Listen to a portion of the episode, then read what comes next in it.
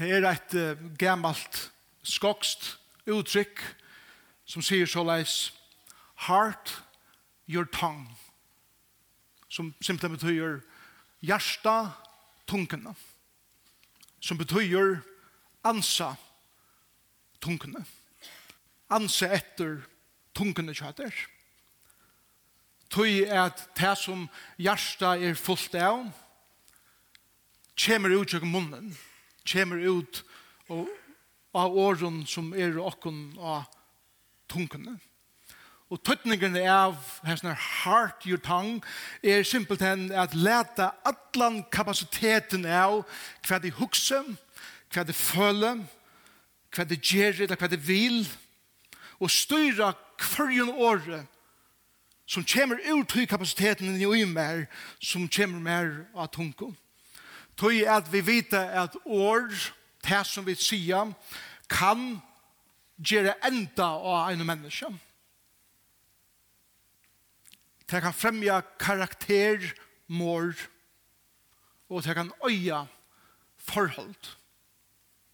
Samtidig som samatunkan kan gjøre en menneske nytt, eller livsmål av nødtjønn, fremja karakter vøkstur, så at mennesker blomstrar, og i stedet for følgna, og kan styrka og bjerga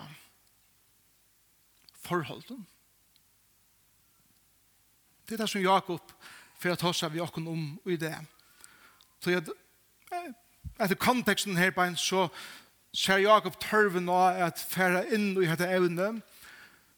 Jeg sier at vi samkomna som var i utspjæringene, Så på andre måter så er slæter og slei og baktelling og rikstinging og likner og noen annan. Alt mulig så har kommet inn i samkomna og Jakob vil gjerne tåsa om det.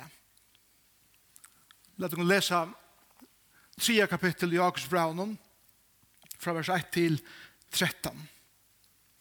Brøver munner, sjående eisne systrar munner, ikkje mennesker at ikkom veri lærere, til vitam, at vi skulle få til strengare dom. Vi snava jo atler i mongon. Tan og ikkje snavar talo er fullkommen maver, eller kvinna. Føre fyrir eisen i at halda ötlun likamen i teimen.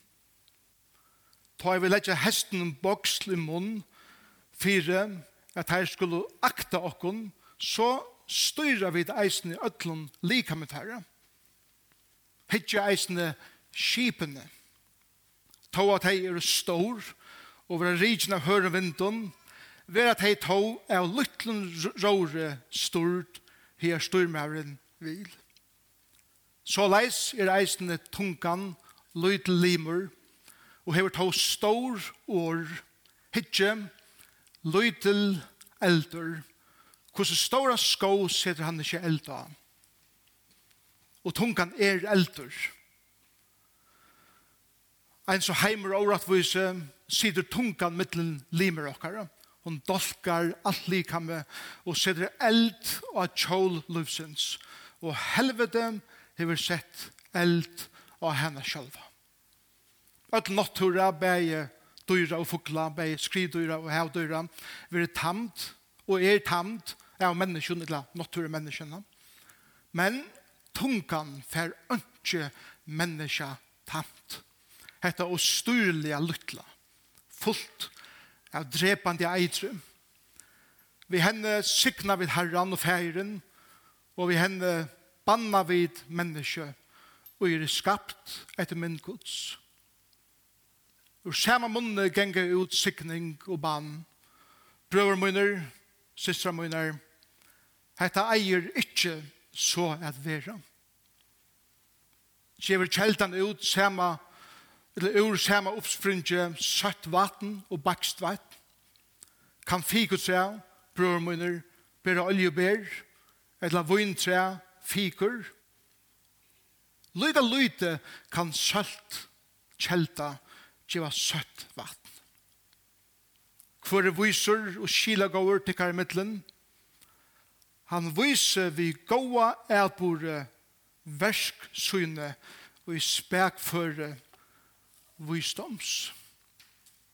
Men til Herren sikna sitt år. Og jeg skal røyne affæra og jøkna dette her vers for vers etla ui en sinne større stråkon. Først er det en avværing for han sier at tid som er lærere, her, her sier han til de som standa av en talersåle, eller de som er i sundagsskolen, eller de som er med de unge, eller de som arbeider vi, de imenske eh, menneskene i en samkomme som bakom at lærer ånder. Anse tikkun. Ikke men, menke av tikkun være sjåd til at trakke inn ut her, tog at domeren er stårer iver sløyk. Først, det er jeg grunner som jeg halte at jeg sutje i skriftene og eisen som sutje min egna løyve. Det første er at en lærere har en stor avvurskan til eller av hvordan folk annars liva sunn liv til det som man sier og meinar fer folk til at tega det til sunn og byrja at liv etter døy. Og om det ikke grunda år gods, og om det skreift, så leier man folk av viltspår og skreiva livslei som kan heva veldig avskan. Og hette mennesker, og en lærer meg alltid hukse om, at hette mennesker som god døye fyrir, og som han elskar, og tog hever han avbyrd i for gode, at leta det vera, hva som kommer ut er største av åregods og av andagods. Musik bæja allmänt og eisende privat. Det er det første. Det neste er til at en og hver som vil være lærere og læra over gods, lykka mykje i hverjon sammanhengen det er to og tyne vera sett og skåtsskivene til Satan og i helvete. Og han får gjøre alt hva han kan for at øyelegge som jeg for tøyne løyve som han kan. For at få tøyne rødt at takna. Trygg mer at jeg vet hva det tåse om. Satan røyner at spreia likner og liesøver og öll andre ting om hans tjenere fire at røtten skal takna takna, og han gjør alt hva han kan, og legger etter familjen og ødlen som han fer, just enda fire er rødden skal takna.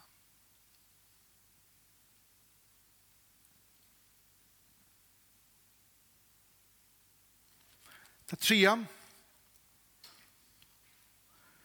til det er hvert år som en lærere sier, ligger konstant under domen tja ötlun rundan om til. Øtlen har en mening om hva du sier, eller gjerst, eller hva du ikke sier og ikke gjerst, eller hva du burde sagt, eller ikke sagt og gjerst. Tøy er det sier ikke mennesker er at de kun være lærere, tøy er at tid er så nekk, nekk mer utsett. Bæje andalige og eisende rent. Menneskelige og middelfolk enn ånder. Og tog elsker er vers nummer 2. Første reglene. Vi snava jo atler ui mongon. Elsker det vers. Tog er at ikke mennesker kan leve opp til perfekta standarden som vi menn kan krevja av kvernøren. Vi ødel gjøre feiler. Vi ødel fettla. Jeg, har, jeg er mengan fotlen og i tingene som jeg har sagt på talerstolen her, og eisen utenfor talerstolen her beint. Jeg fatter særlig et feim og tingene. Et er at jeg, er, eller jeg kan ofte være ham, og de som kjenner meg ordet vel, skiljer hva det mener vi, men de som ikke kjenner meg, de misskiljer at jeg kan være nok så sarkastisk. Og jeg kan si ting som er øyelig sarkastisk, men folk som tenker at det er fullt av årligt, fullkomlig misskiljer det som vi har sagt. Og det er noe som jeg skal anse øye vel etter til meg selv. Et annet som er damen vel å gjøre, og som jeg skal anse etter, det er det er damen også vel å provokere til diskusjon. Til å si som jeg kan si ting som er slett ikke samt vi, men jeg sier det for å skapa en diskusjon. Og folk som ikke kjenner meg halte, at det er det som er halte og mener. Og så er det folk i øynene om i meg som er sagt. Hatta skal jeg bæge tåla, men eisende arbeider vi, så er det jeg etter hvordan jeg sier ting, og nær og hver jeg sier ting. Ikke menneska er fullkomme. Heldig ikke er, heldig ikke sundagsskolelærer, heldig ikke de som tenker seg at han unge og er live og er det sånn der. Vi er alt snava og i mongon. Så sier han, Og nå kommer til evne, til tungan. Han som ikke snarere til og er fullkommen med over. Fullkommen betyr ikke perfektionistisk, det betyr bare han er byggven, han blir bonare og bonare. Før for jeg snill halde at likamnen i teimen. Og så bruker han tver mynter fra akkurat som tog generella gerandes løyvenom for at vi så av nekar mynter som de kjente vel om tungene. Og det første som han vil si oss fra vers 3 og at han vil til vers 8 er dette er at år det som vi sier hever en avsigelig avverskan av andre mennesker rundt om oss. Det som vi sier avvarskar mennesker rundt om oss. Og Jakob vender seg nå til alle samkommene og alle utspreiingina i konteksten av Jakobsbraunen, og han sier at tungan kan veida grøying, og tungan kan volda djupsar. Tungan kan trusta nyer, og tungan kan litta et menneske opp. Tungan kan trusta et menneske, og tungan kan tyna et menneske. Og han sier eisne at tungan kan geva luiv, og tungan kan eisne teka luiv. Luiv. Jakob han, det er akkur som han faktisk bruker en heila kapittel og alle minn inn i fjore kapittel at ta så om etter Det er viktig evne for Jakob. Han tenker tog at minn noen av er at hva vi sier, hvordan vi sier ting, när vi sier ting, i hver en kontekst vi sier ting, hever han nekk større avvarskan enn vi heila tidsje halta. Og han brukar hette her, hese myndene av hesten og myndene av skipen for å skilja at kapasiteten som tungan hever er utrolig og hon kan valta utrolig han skia for menneskje hon kan gjøre ønt og hon kan gjøre godt hon kan være fantastisk anpå til å gjøre det goa og hon kan være et rævligt anpå til å gjøre det ringa. Og til må hon være given atter og atter, kvann det, løte etter løte, iver og i armar og sterske hender. Gods. Hesteren var av teimen døven eh, kruksjåre, 600 pund hester som kommer rujande ved rævligere kraft som andre styrer til rævligere skia men reimaveren som sider av noen og helder i teimen og bokslen som fer inn i munnen eller kjaften av hesten og styrer ikke bare Hesen om økene med styrer ødlen jorden som han sitter av. Og styrmæren som sitter oppe av brunnet, og styrer råren, etter stender atre, og, og, og helter beinleis i råren. Styrer hesen skipen, selv om vinteren er store og kraftige, og tar vi blek atre fram, hvordan han styrer, etter bygge luttla, tinge som stinker nyr og i kjekven her atre. Styrer hesen store, veldige dyrnen. Og så er det han bruker seg myndene i samband med den hjärsta, heilan og det som kommer ut i kjøkkenen min munn. Hvor helter i teimenen? Hvor helter i råren og i munnen livet? Hvor er reimaveren? Hvor er styremaveren og i munnen livet? Vi akkur åren kunne vi halda folk av rattar og kås, vi akkur åren kunne vi vittleie folk og skaiva kås i løyvnen. Vi akkur skjerande åren slætre og bæktal og nyrgjering og utspittling og særande åren og utskjelding kunne vi såre et menneske sundur og i sand og øsko. Lytle limeren som er mitt og lika mjøkara. Pikkelutel, men er store år og som fer inn i øyra, inn i innare øyra, som sender signaler ut i heilan, fyrir at verja seg mot det som man høyrer, og så brukar han som myndene om eld. For han sier, hitje, vers 5, lydel elder, hvordan står han, skå, setter han ikke eld av. Drepande årene som kommer inn i øyra, senda signalene til heiland, som sender bøyene vire til likhamme, og reagerer på det som blir sagt, og alt likhamme kommer. Legg meg ikke til, til um, vers, vers 6.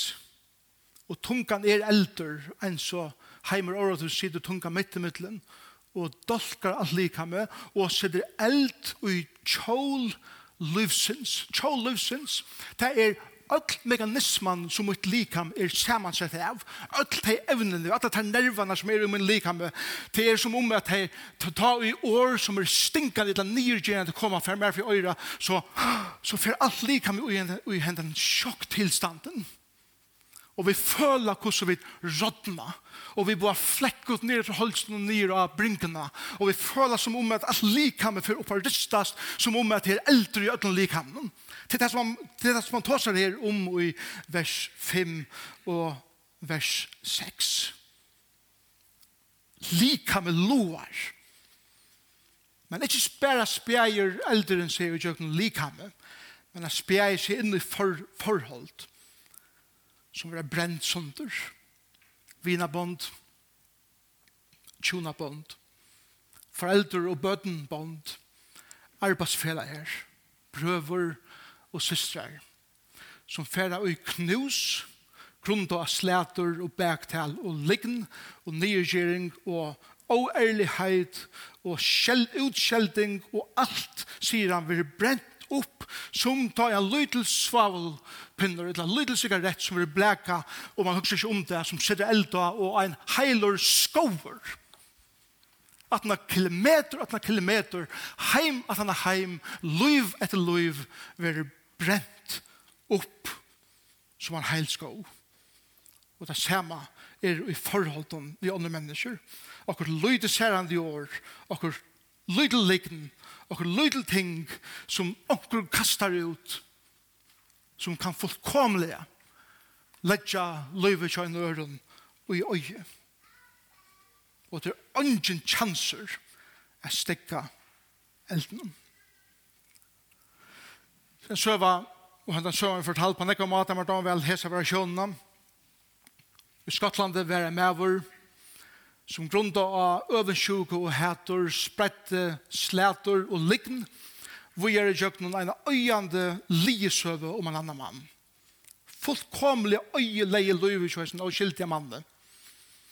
Han framte karaktermor og omdømmekjøysen mannen la i såre middelfolk i bygdene og bygdene rundt om her som han boe. Settene finnes med henne til at han søver som han kom vi at her er ungen sannleik i Jesus søve, og fyrir at regna renser seg sjølvan, fyrir han til katolska presten i byen, og i vånen om å få syndana fyrir gjen fyrir det som han har gjørst. Presteren sier vi igjen, hva er det du har gjørst? Mæveren forteller om søvna, og spyr, kan jeg få syndana fyrir gjen? Presten sier, nei, så latt og så kjøtt, fast du ikke fyrir gjen. Først skal du gjøre nekka fyrir meg, Du skal ta en heiland på seg av fuklafjøren og fære rundt bygdena og legge ein fjøver og i kvarja innkøyring ved kvart hus i alle bygdene. Men jeg vil helt være undan litt. Men fyrir jeg få av syndene fyrir kjøring, så gjør de han det. Han gikk fra inngang til inngang og leie en fjøver her. Det er en etter som alltid til presten og sier, kan du nå få syndene fire kjøring til? Vi har gjort det som du bør med gjøre. Og presten sier, å nei. Så latt er det heller ikke kjatt her. Så jeg at nå skal du færa vi samme påsa og samla allar fjæranar oppater som du leie og i kvørst eller kvarje innkøring og mævren sier ja men det er omøvelet til at vinteren hever tidsje fjæranar borster og det var just det som var hent. Smadranger teir ganger ut i vinden og og flikva draker. Men det vägrar vi tøyer til at det halta der i bandet. Men et år, en setninger, en leggen som flyr ut fra omkron kan ikke tekast atter. Tankar som er åsakter kunne leggjast til gjerrar, men sjått god teker ikkje atter år og er færen av menneska munde. Han hever gjørsta såleis. Vi lever vi en fruen vilja, Og ui tui fria viljan ligger myndelagen av år som antil kunne teka loiv etla djeva loiv. Volta deia etla volta loiv. Beg jokken sjolvun og sjøren. Og det gjør oss samtidig eisen er som veldig og djup og kjenslene av at jeg har åpert og jeg stand i åpert for hverjen året og jeg sier og som kommer her av munnen. Jeg kan ikke si av en ekran Jeg kan ikke styre til som jeg sier. Jeg kan helst si av en nærkran at det er et problem at du ikke tåler det som jeg sier. Jeg sier bare som er, og ta meg stå, til å bare tenke det som det er. Og, og jeg kan si, nei, nei, nei, nei, det er ikke så leis, det visker. Og andre kan si heller, hette det som jeg har stå, jeg forteller det bare vi her, og jeg kan si, nei, nei, nei, nei, det er ikke så leis, det visker, til at du slipper, og jeg slipper ikke så latt, vi tog som jeg sier, sier Jakob. Tøy at om jeg vi en år en setning kan øyelegge et liv. Eller om jeg vi en år og en setning kan gjøre en menneske liv så stand det er sjølver til arbeid for hvert år vi er sier. Jesus sier Mattias 12 at det sier til henne at mennesker skulle doma det svære for hvert tømt år til talen Ty etter åren tøynen skal det være dømter, antil rattviser, etter etter åren tøynen skal det være dømter sekur. Hans år jesser. Og tøy ligger en veldig åpert og i øtlen som vi sier og leta komme åkne av verden. Så noen fjerne fjeraner eier folk huksa om øtl teg for meg at huksa om øtl teg som er min liv har valgt sorg, vi min sarkasme, min mat av hver som sier tingene på, tankalest,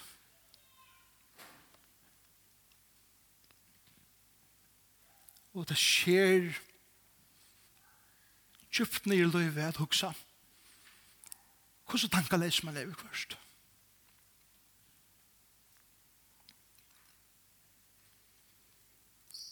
Og vi eier er suttje som menneskene fyrir okken. Og hugsa om lytle årene, stutte setningene, som vi søtt. Det er kritiske og skjerande, stinkande årene, ut skjeldingsene, iver hese her, mennesker. Hugsa om bøten som man ser av dem om hva de opplever heima, som det genga kroppen av en utkjeltande pappa eller en nyrgerande mamma. Ser koner genga saman kroppner og i åtta fyrir kan med min sier eller menn som genga syka i nyer av tøknene tjokonesønne og så videre. Alla så tingene her gjerra og valda stora skia inn i okra sal og inn i okra liv. Og vi styrer vi akkur orden og okra mate, at sier tingene på livsleiene til mongon, mongon menneska som er akkurat motsatt høy så vi maler deg til å være. Og vi forteller søver om ånder som slett ikke passer vi til å være karakter, bare at vi at vi har et eller annet imot teimen. Og så leis øyeletja vi livet. kjøkvernøren. Jakob er øyelig ekvisligur. Han sier i endan av vers 6, Lika med, sitter eld av tjåløvsins, og helvete hever sett eld av henne, altså tunkene, sjølva. Satan, sier Johannes i sunnen evangelium, at han er en øyere, han er en tjåver, Han er mordare, og han gjør alt han kan for at øya sånne mennesker som han kan. Ta ui, og husk vel om dette her som, som jeg sier bare nå. Ta ui er taleleggen. Ta ui er nye Ta ui er baktale. Ta ui stinge folk i ryggen. Vi munnen og åren. Vi vilja. Velvitande. Etter ikke hava kannan og vel hva det sier, så er det ui tui en ombudsmæver satans fra helvete. Og jeg vet at ånden er noen vil til, og ånden er noen hukser om til, men jeg vil ha å kunne få det fram ur underbevisstheten, fram og i bevisstheten at hukse om ta og jeg sier ting som kunne drepa et menneske, ombøye satan og i helvete sjolvun. Og det eier jeg få åkken at han etter, hvordan vi tåsa og hvordan vi tala om andre. Toi, han sier vers 6 og 8, og han brukar dyr og fuglar, skridor, hevdyr og så videre, at alt hese her imenske dyrene som kan kunne være tamt av mennesken. Vi hava styr og adam på nekka mater. Men tungan tjokken sjolvun kan ikke menneska temja. Jeg har hvis jeg holder ikke mer rævor, ikke kontroll av min tunge. Og tog jeg da, han kommer nå til resten, jeg tar som et her, at det må være god som lever reimæveren ut i livet. Det må være god som teker råre og i mine livet. Jeg styrer hvordan er det her skipet og gjøtene virkere sikler og hver jeg havn til jeg leiter og. Og tog er det jeg Jakob sier fra vers 9 til 13, at tungan hon hun tæner ikke tveimon herren, men bæra egnon. Og så sier han, vi henne sikna vid herren og feiren, og vi henne banna vid menneskjon, og gjør skapt av mynd, og i myndgods, eller etter mynd gods. Så sier han, er i helst av vers brøver munner og sjåan de eisene, systra munar, hetta eier ikkje at vera så.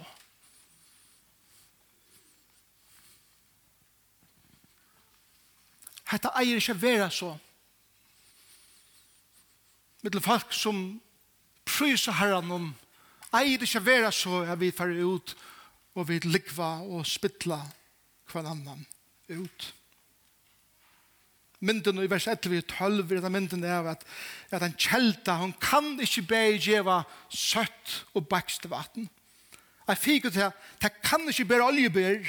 Jeg var innsett at det kan ikke bære frukt av fikon. Og så er det, det, han bruker seg mynden av at en tryggvande som er fyllt av andre gods, kan ikke bære avvøkst av öll hinan önda som han har tås om i husen her. Det, det eier ikke bare til, sier han. Det blir ikke til, sier han, jeg kommer og møter sunnumorgen til andre tiltøk og synger om karlaga gods og i hjertet noen er helt av mennesker og nyer gjør deg og utkjelder deg hos mennesker, kære mennesker som er skapt og bøyler av gods. Det blir ikke til at ta seg om troskap og måtte gode og einleik og mellom mennesker og vi åren stinka under rydgen mennesker som er skapt og bøyler av gods. Det blir til, sier Jakob, er at komme sammen og bia om Guds i mitt liv, samtidig som jeg øyse eitur ut i livet til øtlen om mennesker som er skapt og i bylade Guds. Det blir til. Det eier ikke være så, sier Jakob. Det som så hender, er er det at her andre han er så snilter vi okkara sinne, at han fyrir også, åh, ja, så må jeg heldur tida møte noen så må jeg heldur djeva seg koma møte, så må jeg heldur ikke sinja vi, så må jeg heldur bare pura passivor og alle tingene, og jeg sier, nei, til akkurat øvått. Kom og syng. Kom og bi. Kom og vær i samfunnet vi åndtrykkvande. Kom Kom og ta seg vel om hver annan. Kom og hør år for å ta seg vel om det, så at du bygges opp. Kom sammen med øren, til at det meira at du gjerst av tog, tess mindre plass ved fire hinom. Er det vi? Jeg husker om det morgen, jeg heter morgen med, og så, så hei jeg sindra kaffe etter i, i kryssen og kommer, og så ser jeg den i verset, og så sier jeg til svart kaffe, så kar jeg kranen fra, lika skåla koppen, men han stendur synder kvarstor vid kaffe igjen, vi kører krana fra, og rett vatt renner ned i eh, koppen, og jeg sutje hvordan det er skittna eller myska kaffe, grunda av strålene av vattnen til reina vattnen, på enkla måte, utjøkna løte, krasjter meir og meir av det skittna ut, og til endan til hitja koppen, så er bare gullrent vatten i hessen koppen til å prøve det selv hele ikke. Hatt det det som Jakob vil ha å kunne gjøre. Jeg vil ikke si at jeg er til dere så fotler av den ønden, så må jeg bare gjøre seg gjøre hit. Han sier, nei, nei, nei, nei. Fyre at ta anda skal færa meir og meir ur mer. Tess meira måste du prysa gode. Tess meira måste du synge en låsong. Tess meira måste du fylla inn ut til av til vekra. Fyre at ta anda og jakken og i jøkken og ærene kan vaskast meira og meira ut, og vi vita at så langt som vi er her, ver her som kapper, omgående gullregner av alle som grumsen som roi her, tog jeg vi er holdt, og vi er fattelig mennesker som har potensial til alt ønt, men der vi kommer, tar vi vera rensa i. Vi må hava tæfri eia alt i okra løyve, at vi er atle til nega og medelig underfullt i løyve noen men fortjenten tjåkon holdt i mer. Vil dolka bei med og annars nek som mølet. Og vi er venda mer henda vi så vi er minne i minne hæsen, av hæsen, og i kontroll av min løyve. Og vi er minne minne definera vår av hæsen tingene som er letja mot løyve og løyve kjøren. Og min definisjon blir at jeg er i Kristusem Jeg er filter av anda gods, og jeg ber jeg avvøkst andan som gjør. Jeg minner jeg minner plass ber fire hinnom. 13. vers er ligelen. Kvøre viser og kila går til karmittelen til det som han mener vi. Jeg vil viser er i kapittel 1, det blir god om visdom, han skal gjøre det visdom. Kila går er hoksa, hva er det lokus rett av meg å gjøre?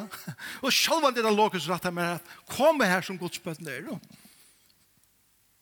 og være fremme for Asjan Guds og være rensaver. Og så sier han, han viser vi gående er på reverssynet og i spek for andans, hadde lidslen. Året spek for er lidslen og i øtlen her på en. Tog at spek for er en av avvoksen andans i Galaterbrand 5.23. Spek for og i Galaterbrand 5.23 5, er tøtningen av bokslen og teimen av en heste, det er året spekføre. At det er en som teker dette veldig av dyre, og teker det heimene av dyre, og styrer dyre. Og mynden av avvokse andan sier at ta over filtre av andre gods, så er det hele anden, gods sjolvor, som teker i heimene av min liv og min tunga, og styrer mer.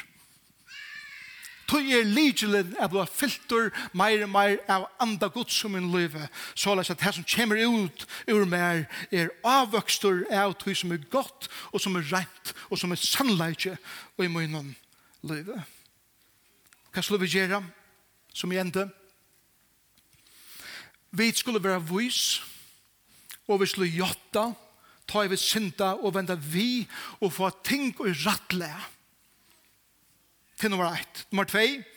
Vi må være skila gå og be god om visdom, som langt jeg har sagt. Nummer 3. Vi må være spek for å lade god tega i teimene og råre i min løyve og tungene som er bedre. Så la seg at det som kommer mer om munne kan være til sikning. Nummer 4. Nekv er at hui som kommer ur mer er grunn til å vreie, karlagsløse, øvund, og maktsjuke. Og ta må jeg letja framfor herran og bya han tega vreina og maktsjukna og øvendna og hætren borster. Så han kan fytla med vi til vekra som han vil djeva mer. Nummer fem. Stegga, slætre, bæktale, liesøvun, niergjering og alt det som fylgjer vi tog vidt her. Søk sannleikan og finn det hva det er kvæd fyrir jeg kunne være ein som stender opp fyrir sannleikan og det satt som jeg langt har sagt kom og møte komme til her som Guds folk kommer sammen og pryser gode. Ikke, ikke synes jeg vi syng vi sundag morgen eller hva det er om tog jeg ta i du synker, og tog seder året av hvordan god og god er, og hvordan fantastisk Jesus er, og ta versk som han har gjort for det, av Golgata Kross, og ta synkja ta ut, ta ver okkar hjärsta fyllt av tog, som gjør at alt hitt som er her, vil skumpa borser ur, og vi kommer ei kjennast av en følelse som elskar god, og hætar til enda. måtte være så isk jeg fikk tid sanda og skåla i versen og gjøre klart til å vaske opp. At det ikke er at koppen og tallersken som er full og skytte av det som vi tar ete. Og så fer det vera fyrst skåle av, så, så spekler av, så fer det maskina, og så tek hva det ur at det til gull rent. Og i okra løyve er det bare god som kan gjøre det, og trygg mer. Han kan, og han vil, og Og han gjør det. Restene av okkara liv. Vi skal be sammen. Jesus, jeg ber om at du vil teke hans i årene og det er sikkert flere år som jeg ikke burde ha sagt og kanskje er hørt skreft og så videre, men jeg ber bare om visdom og jeg ber om styrke at vi er alt færre hen i det og vi ser dere fire at heimannar og råre vil jeg gjøre iver til han som er skapt meg, som kjenner meg best. Så han kan styre hvordan jeg er, hva det sier. Jesus, takk for det. Jeg tar to taler, så gjør dere vogn, Og selv om du er hver skjer noe i det som vi damer ikke høyre, så tar det for at det er rensende, livgjevende effekt ut under kærleksåren. Prysa vi ut navn. Amen.